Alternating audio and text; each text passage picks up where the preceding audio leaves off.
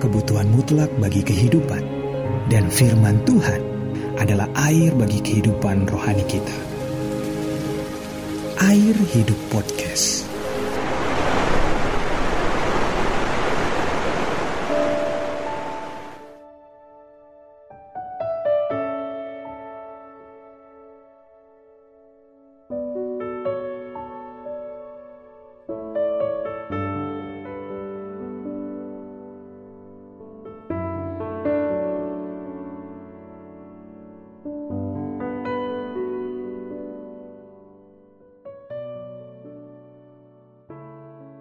Bacaan Markus 6 ayat 45 sampai 52. Ada Tuhan di tengah terpaan angin sakal. Ketika ia melihat betapa payahnya mereka mendayung karena angin sakal, maka kira-kira jam 3 malam ia datang kepada mereka berjalan di atas air dan ia hendak melewati mereka. Markus 6 ayat 48. Dikisahkan ada angin sakal yang menghadang perjalanan murid-murid Kristus.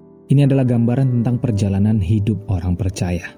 Angin sakal bisa berbicara tentang masalah atau kesulitan. Semua orang, termasuk orang percaya dan bahkan yang sudah melayani Tuhan, tidak luput dari masalah atau kesulitan. Pada waktu tertentu, terkadang kita harus menghadapi angin sakal yang bertiup begitu kencangnya memporak-porandakan kehidupan kita. Angin sakal yang mendatangkan kerusakan dan kehancuran hidup itu datangnya dari si jahat. Sebab ada tertulis, pencuri datang hanya untuk mencuri dan membunuh dan meminasa. Yohanes 10 ayat 10a. Angin sakal yang menghadang perjalanan murid Tuhan ini bukanlah angin yang besar atau yang bersifat menghancurkan. Tetapi angin ini menghadang secara bertubi-tubi sehingga pergerakan kapal yang mereka tumpangi menjadi terhambat. Akibatnya para murid menjadi sangat kelelahan karena kapal tidak bisa melaju dengan cepat. Padahal Danau Galilea bukanlah danau yang asing bagi mereka. Terkadang kita diperhadapkan dengan angin permasalahan yang datang secara tiba-tiba dan bertubi-tubi menghadang perjalanan kita. Kita pun menjadi sangat lelah, tidak berdaya dan kehilangan kekuatan untuk meneruskan langkah kita. Jangan pernah kecewa.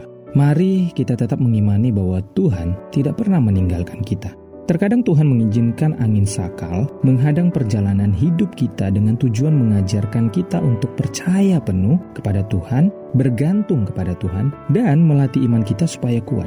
Kita harus ingat bahwa kehidupan kekristenan bukan hanya berbicara tentang berkat atau mujizat, tetapi juga berbicara tentang penderitaan dan ada harga yang harus dibayar. Meskipun Tuhan tidak bersama-sama dengan murid-murid di dalam kapal, tetapi ia tahu persis pergumulan yang dialami murid-muridnya dan punya waktu yang tepat untuk menolong. Tuhan pun melihat pergumulan hidup kita. Tuhan mempunyai seribu satu macam cara untuk melepaskan kita dari angin sakal. Amin.